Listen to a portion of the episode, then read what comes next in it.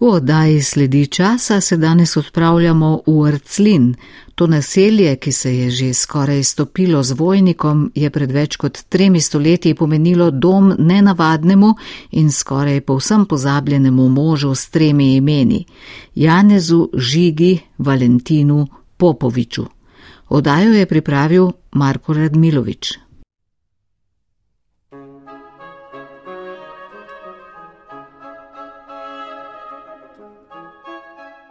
Ker zanimivo, da se starejši ljudje se spominjajo tega eh, Popoviča, ne? starejši. Ne? Marijana je rekla, jaz se spomnim, da so na šoli učili, mene ni noben učil o Popoviču, tebe kdo učil, noben. Njih so pa učili pred drugo vojno. Ne? Skozi Arclin, ta kraj nenavadnega imena, moraš, če se pelješ proti vojniku. Če ne drugače, takrat, ko je Štajerka zaprta, kar je dovolj pogosto, in vrli cestari uredijo obvoz po usporednih cestah.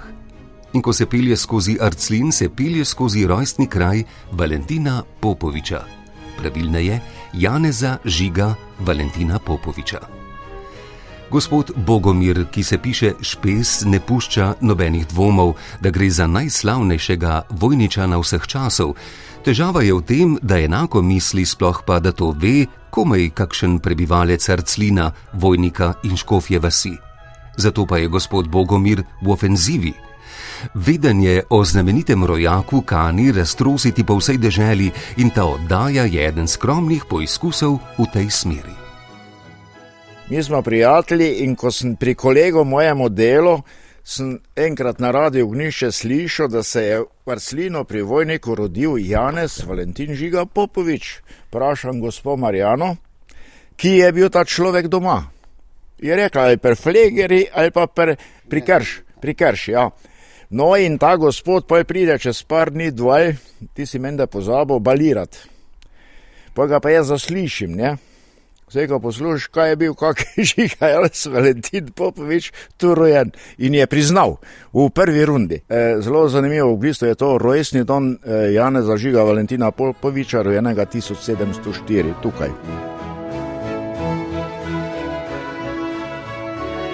Glavne črte življenja pisa Jane za žiga Valentina Popoviča si sposodimo pri, vsaj za nas, najbolj dostopnem viru pri geslu v slovenskem biografskem leksikonu, ki ga je leta 1949 vzorno dodal France Kidrič. Nekoliko si bomo pomagali tudi s sodobnejšimi dognanji, vsaj tam, kjer je Kidriča zaradi duha časa pač nekoliko zaneslo. Zaplete se že pri rojstnem datumu, saj viri različno navajajo ali 2. ali pa 9. februar leta 1705. Oziroma drugače, Krst, ki je bil v tistih časih osnova upisov knjige, se je resnično zgodil 9. februarja, rojen pa je bil Valentin teden dni pred samim krstom.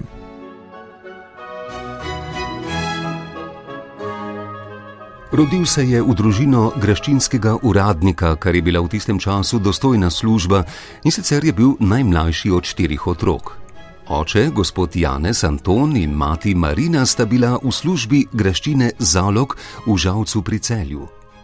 O rodu, predvsem o nenavadnem priimku, celo kronist samo ugiba, a verjeti je, da je bila družina po očetovi strani potomka uskoških prednikov, a so bili ti pravoslavni vojaški najemniki iz časa turških vojn na pragu 18. stoletja že zdavnaj katoliki in povsem asimilirani v tedanjo družbo.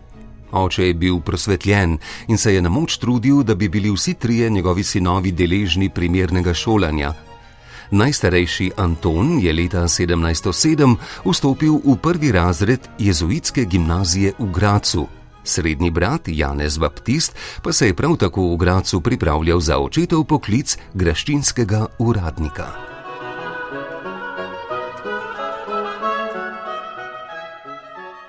Po tradiciji naj bi mali Janez prvi stik z znanjem dobil od domačega oziroma vojniškega kaplana Janeza Poškarja, a usoda je kmalo zarezala v življenje mladega in za učenje nadarjenega fanta. Najprej je leta 1714 umrl njegov učitelj, na to pa leto pozneje še oče. Legenda govori o tem, da se je Janez skril na vozu, s katerim sta se oba brata jeseni 1715 vračala nazaj v Gradec, in o njegovem življenju v tem letu ne vemo mnogo. V njegovem življenjepisu zeva v tem letu luknja. Sklepati je, in v nekaterih virih navajajo, da se je prvo leto bivanja v deželni prestolnici preživljal s priložnostnimi deli. Šele naslednje leto, v šolskem letu 1716-1717, se upiše v tamkajšnjo gimnazijo, pomenljivo pa že takoj na začetku, kar v drugi letnik. Svojo veliko nadarjenost je izkazal skoraj nemudoma. Spet po legendi pa je bil zaradi znanja in prizadevnosti pri pouku poezije nagrajen s prejemom in brezplačnim bivanjem ter oskrbo v jezuitskem konventu. Šolal se je na to dolgih 13 let, študiral pa tako teologijo kot filozofijo.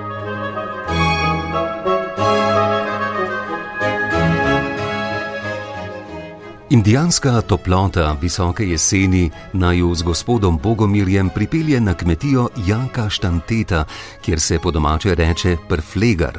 Tam stoji hišica, prečudovito obnovljena. Nizka, čemeča ob hudini, na travniku obdanem s sadnim drevjem. Spet brez kančka dvoma izvem, da gre za domačijo, kjer je pred stoletji tekla zipka Valentinu Popoviču. Gospod Janko ima največ uro časa, na to kliče živina. Privoščim si voden ogled. Starši in pa potomci so to vedeli, ampak niso te, hteli o tem veliko govoriti, ker so bili med drugo svetovno vojno Izgnan. odpeljani v Auschwitz in, uh, uh, in so se bali. Uh, vse, kar je bila zgodovina, so se bali. In tudi, ko so že hodili Avstrijci tu dol, niso želeli sodelovati, ker so takrat mislili kapelco, mislim, na spominsko ploščo vzidati, ampak niso želeli sodelovati, ker so se bali. Papirjo in pa to je pa bilo vse odpeljano takrat, ker so tu živeli pa namčuri med vojno. Ker so naši bili odpeljani in tu so potem živeli in so vse uravali, kar je bilo. Kot bomo izvedeli pozneje, je bil Janez Žiga Valentin Popovič nenavadna osebnost. Trmoglava, pogosto tudi čudaška in po nekaterih verjih uskipljiva in prepirljiva. Tako se je že med šolanjem pritoževal, da jezuitska pedagogika ni ravno vrhunska. Motilo ga je, da sta bila zanemarjena tako nemščina kot naravoslovje in zato se je še sam dodatno izobraževal. Čeprav je čas klasičnih vsevedov že nekoliko minil in so mnoge znanstvene panoge že začele dobivati tako znanstveno metodo kot tudi prva bazična raziskovanja, je bil Janez verjetno eden zadnjih polihistorjev. Zanimalo ga je praktično in seveda tudi teoretično skoraj vse. Mislim, da ko sem jaz prišel, ni bilo nekaj groznega, ne? ampak Janko je rekel: tole, le, tole moramo zrihtati, no, prvo smo. No, vem. Obnove, ja. Le, on je prej streho zrihto, kar je baza, ne. Ja. Pol smo pa začela znotranje prostore, pa pa fasado nazad. Največ fasada je bilo Fasada je potrebno. največ, ne, to je Ker, eh, to je dolo klepano. Služi bolj kot spominom, pa druženju prijateljev v tej hiši, tako da je bolj, eh, to ni stanovanska hiša, to je, eh, kako bi rekel, registrirana kot pomožni gospodarski objekt, se je tudi tako koristimo.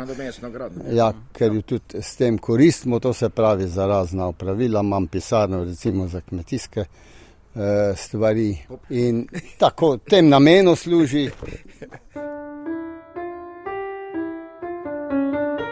Pogosto je bil doma na celskem in na tem mestu se moramo vsaj delno ograditi od Kidričevega gesla v slovenskem biografskem leksikonu, ki Popoviča obravnava izključno z pozicije nemškega znanstvenika, rojenega na ozemlju današnje Slovenije.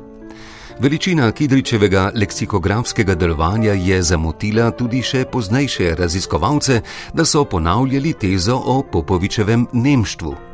Šele sodobni avtori, mnogi so začeli o našem rojaku soditi neposredno prek njegovih del, so začeli na osnovi virov pisati o naklonjenosti deželi in njenim ljudem. V njegovih lastnih zapiskih je najti mnogo povsem konkretnih dokazov za Popovičevo domoljubje.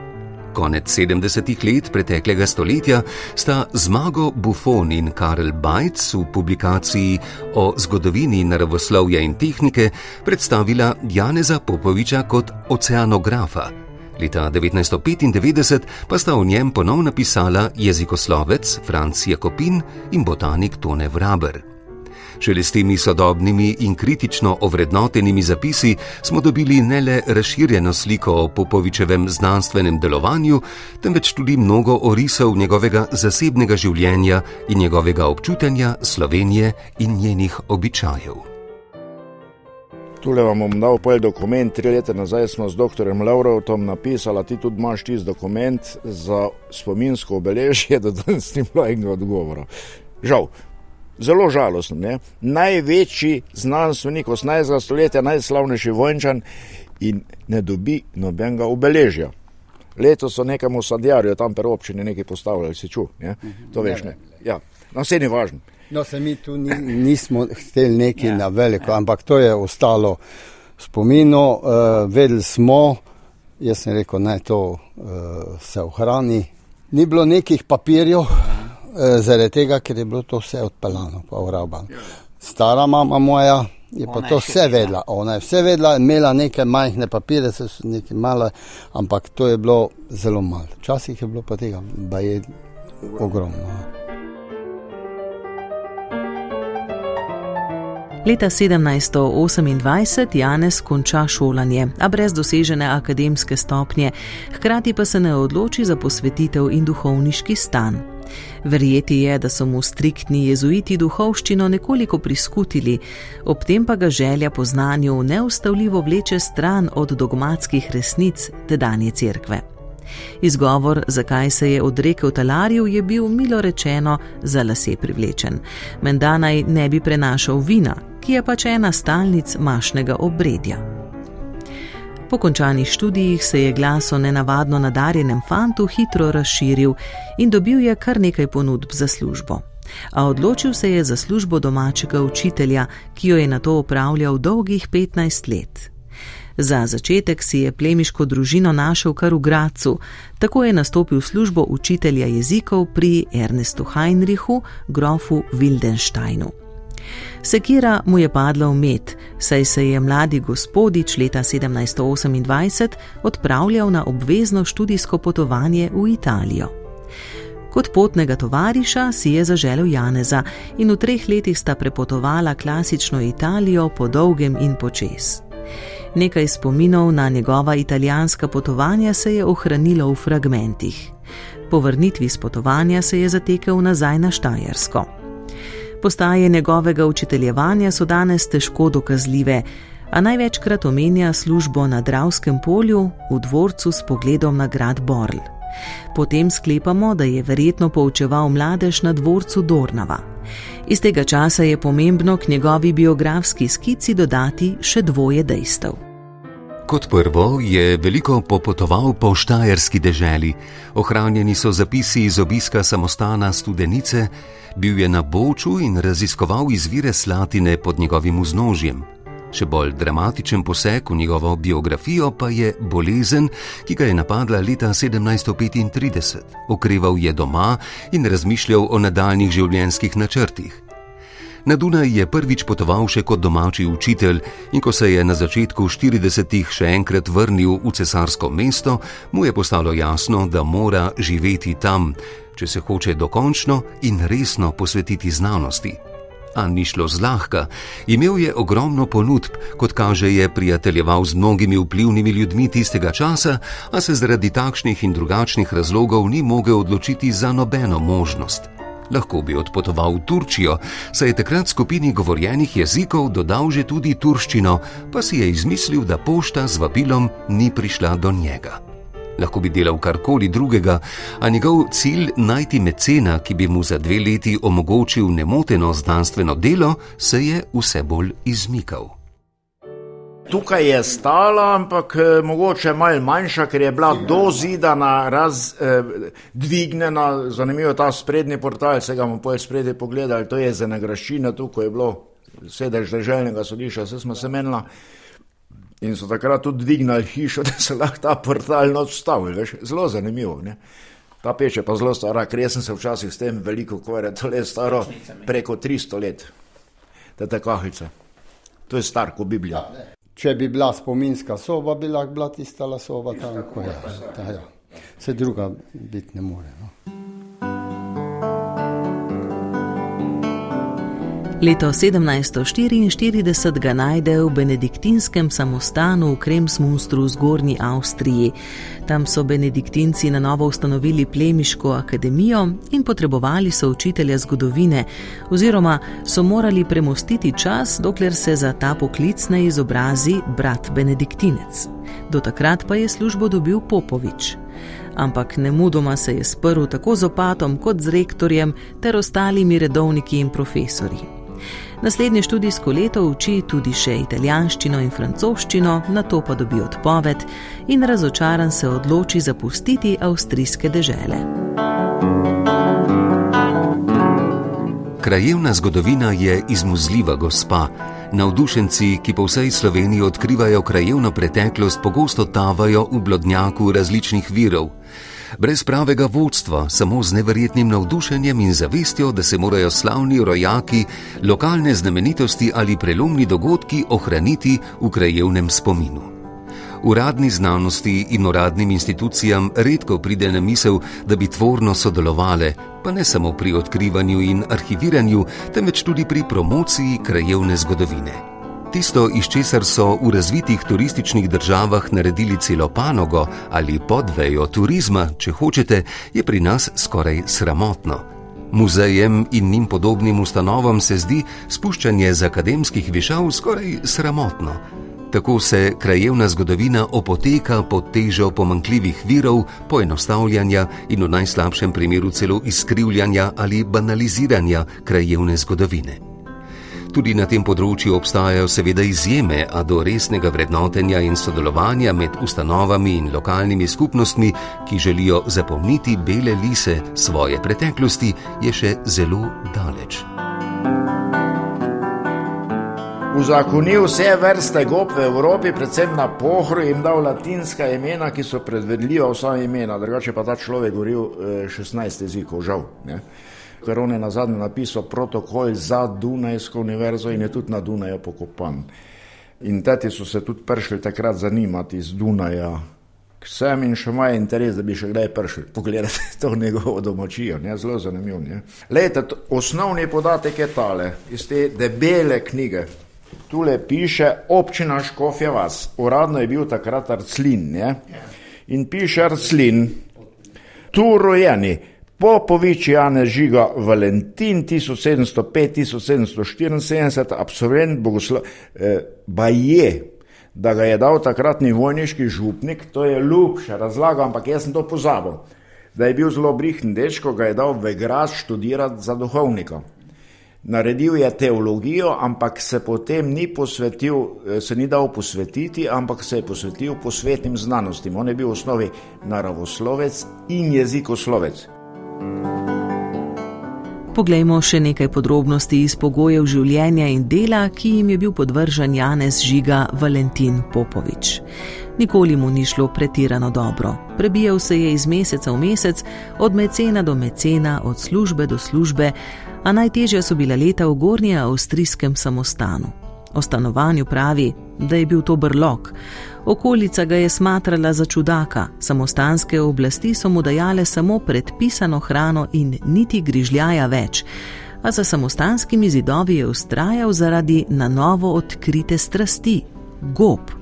Zanimati ga je začel svet gljiv in njih študiju je posvetil vsak prosti trenutek.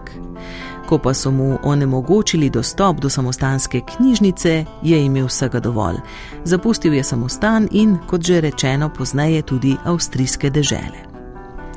Odpravil se je na sever. Najprej je delal v Regensburgu, nato še v Nürnbergu in pozneje tudi v Leipzigu, in v srčiko njegovega zanimanja je stopilo predvsem jezikoslovje. Danes bi popularno rekli, da je na veliko mrežil, in res se je krok njegovih sogovornikov, somišljenikov in pa na srečo tudi finančnih podpornikov pomembno širil.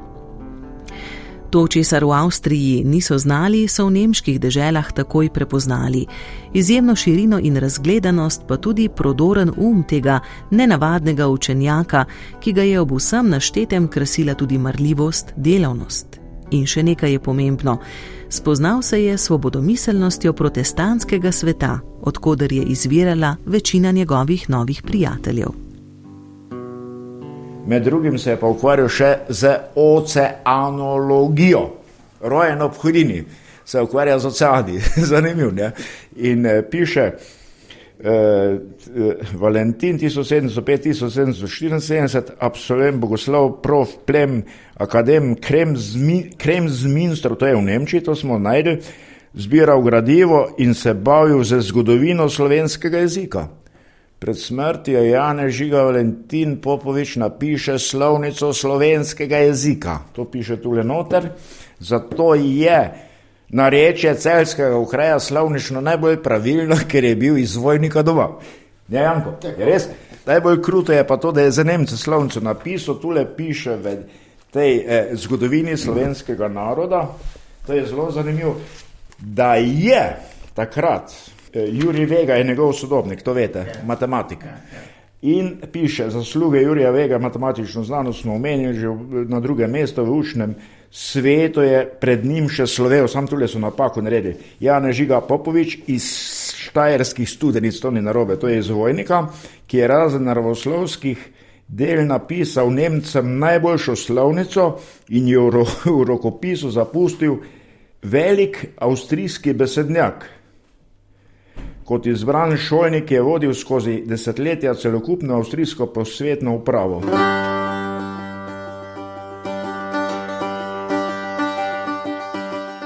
Nemirnega duha je imel priskledništva in življenja na račun svojih vplivnih in izobraženih prijateljev po petih letih dovolj. In kot toliko krat v njegovem življenju je imel na mizi veliko ponudb za delo, lahko bi šel za urednika nekega lista v München ali pa bi prevzel stolico za nemški jezik na Dunajski univerzi. To zadnje se je slišalo mnogo bolj vabljivo, zamera do Avstrije, kjer so terezijanske reforme že kazale svoj obraz, je bila pozabljena. Tako je vabilo sprejel in leta 1753 postal prvi cesarsko-kraljevi učitelj nemškega jezika in govorništva na Dunajski visoki šoli. Na tem delovnem mestu je ostal 13 let, vse dokler se leta 1766 ni upokojil. V tem času je strastno študiral, poučeval in se seveda tudi prepiral. Po upokojitvi si je kupil hišo v Perchtoldsdorfu, kjer je mnogo pisal in skoraj fanatično obdeloval sam svoj vinograd. V tej vasici ali trgu južno od Dunaja je zaradi jetike leta 1774 tudi umrl. Pokopali so ga na vaškem pokopališču, a ko so sredi 19. stoletja pokopališče tam opustili, je njegov grob padel v pozabo oziroma izginil. Iz njegove zapuščine so kar do konca Prve svetovne vojne letno podelili devet štipendij za študij nadarjenih štajercev v Gracu. Janez Žiga Valentin Popovič je bil poseben človek, pogosto nesrečen, skoraj vedno na robu preživetja, kar se ni spremenilo niti med njegovim vodenjem nemške stolice.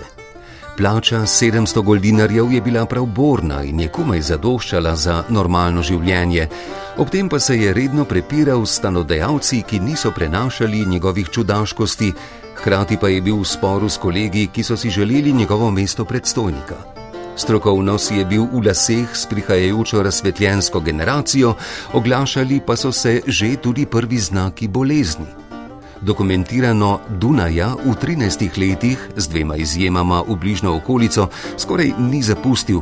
Ko pa se je preselil med Gričke, je bil po spisih sodobnikov duševno strt, a se je tudi v Pertolsdorfu za njim oziral v strk.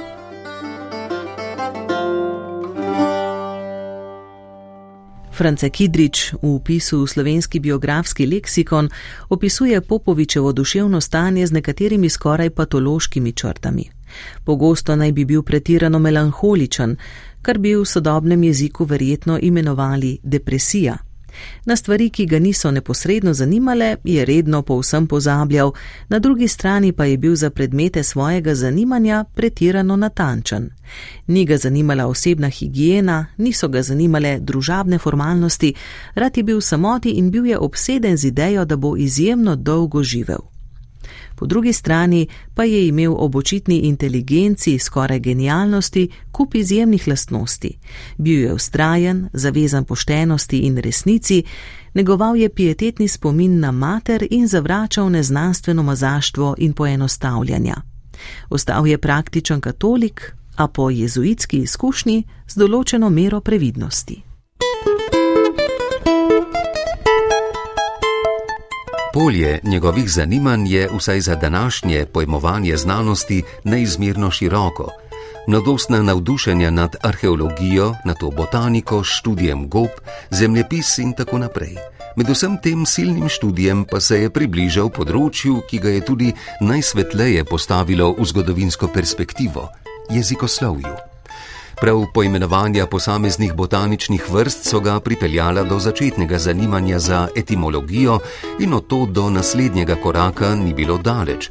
Zavedati se namreč moramo, da poročamo o času, ko enoten nemški jezik še ni bil izoblikovan. Med mnogimi kandidati je vplivni jezikoslovec Gočet poskusil promovirati saksonsko narečje severa Nemčije kot tisto, ki naj postane skupni nemški jezik. Končno so se Popovičeva jezikoslovna stremljenja končala s slovnico in dvema slovarjema. Vse je išlo po njegovi smrti, njegov obsežen nemški slovar šele leta 2004 v uredništvu Richarda Reutnerja. Tako novi rodovi raziskovalcev počasi ugotavljajo njegov nesporen in pomemben prispevek tudi k zgodovini slovenske gramatike, Slovanske etimologije so polna že njegova nemška dela, a osnova za vrednotenje prispevka k razvoju slovenščine je postalo 480 lističev, ki jih hrani rokopisni oddelek Narodne in univerzitetne knjižnice.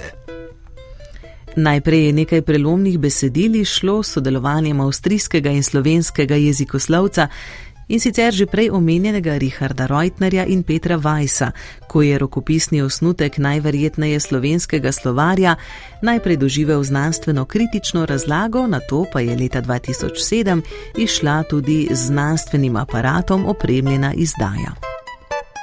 Danes je predvsem jasno, da so iz Popovičevih slovarskih gesel, tako nemških kot tudi teh v nepopolnem slovenskem slovarju, izhajali in se z njimi napajali mnogi rodovi jezikoslovcev obeh narodov.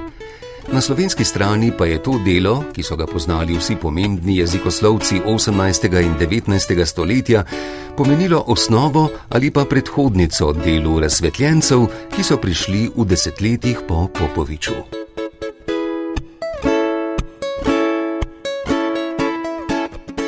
Sodobnim raziskovalcem Popovič ni olajšal dela.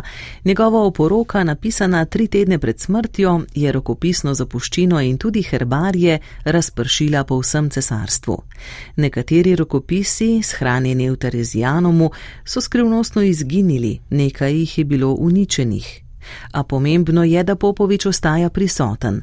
Za zdaj še samo znotraj oskega zanimanja nekaterih prebivalcev Arclina in nekaterih jezikoslovcev, a ni daleč dan, ko bomo v slovenščini dobili še kakšen prispevek o tem nenavadnem vojničanu. Moram povedati, tukaj sem se napisal, če ne bi tako pozabil, da je celo občina Vojnik, ko se vsi vse pozabi, imamo celo ulico Jana Zažiga Popoviča pri Miku, gor se veš. Ne? Čeprav bi bilo mogoče bolj študij, ampak dobro, so pač vsaj nek spominje, da se ga nekdo spominja, ne? da se ve, da je ta človek obstajal. Ne? Bilo bi zelo zanimivo, da se mu tudi neko obeležje postavi. Poglejte, jaz sem bil letos v, v Moravčih, ker sem gledal kip eh, Jurije Vege, pa sem se razjokal. On je dobil 1906. leta matematik, fizik, avstrijski topniški časnik, oče moderne balistike 1906. leta mu avstrogrska vlada naredil v Moravčih pred crkvijo spomenik, mi pa nimamo nič. Pa sodobnik in v eni zgodovini slovenskega naroda piše, da Juri Vega ni bil ekvivalent Žigo Popoviču, da je bil Žiga večji znanstvenik. Ne se to boste tule prebrali noter. Imamo še pa zdaj, le se sem rekel, koliko sem dobil zdaj teh podatkov iz eh, Dunajske univerze, nekaj jih je dost, mi je ona soseda povedala, ko zdaj to proučuje, ne? zelo zanimivo pokopanje pa tak na Dunaju, eh, žiga Popovič. Če potegnemo črto, njegova oseba, njegovo vedenje, najbrž pa tudi njegov čas, so bili preveč konfuzni, da bi se lahko kot avtoriteta zasidral samo v eni sami znanosti. Recimo, poznal je neverjetno število gob, a bil je premalo sistematičen, da bi svoje opazovanje strnil v strokovno in metodološko neoporečno delo. Kar ga pa recimo ni motilo, da se ne bi sporekel z legendarnim botaničnim sistematikom Linejem ampak končajmo s citatom, ki ga je zapisal urednik o verjetno najpomembnejšem Popovičevem delu, avstrijskem slovarju. Citat: Popovičev avstrijski slovar je najobsežnejša dokumentacija avstrijske jezikovne rabe v 18. stoletju. In Popovič je s tem slovarjem še dodatno potrdil svojo vlogo predhodnika moderne jezikovne geografije. Konec citata.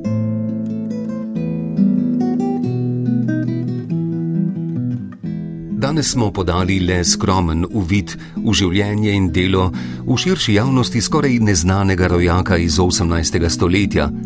Malo smo s tem izpolnili svoje poslanstvo nacionalnega medija, malo pa se naužili lepot vojnika z okolico, ki ga kazi le odločno preveč prometna cesta skozi ta prelepi trg.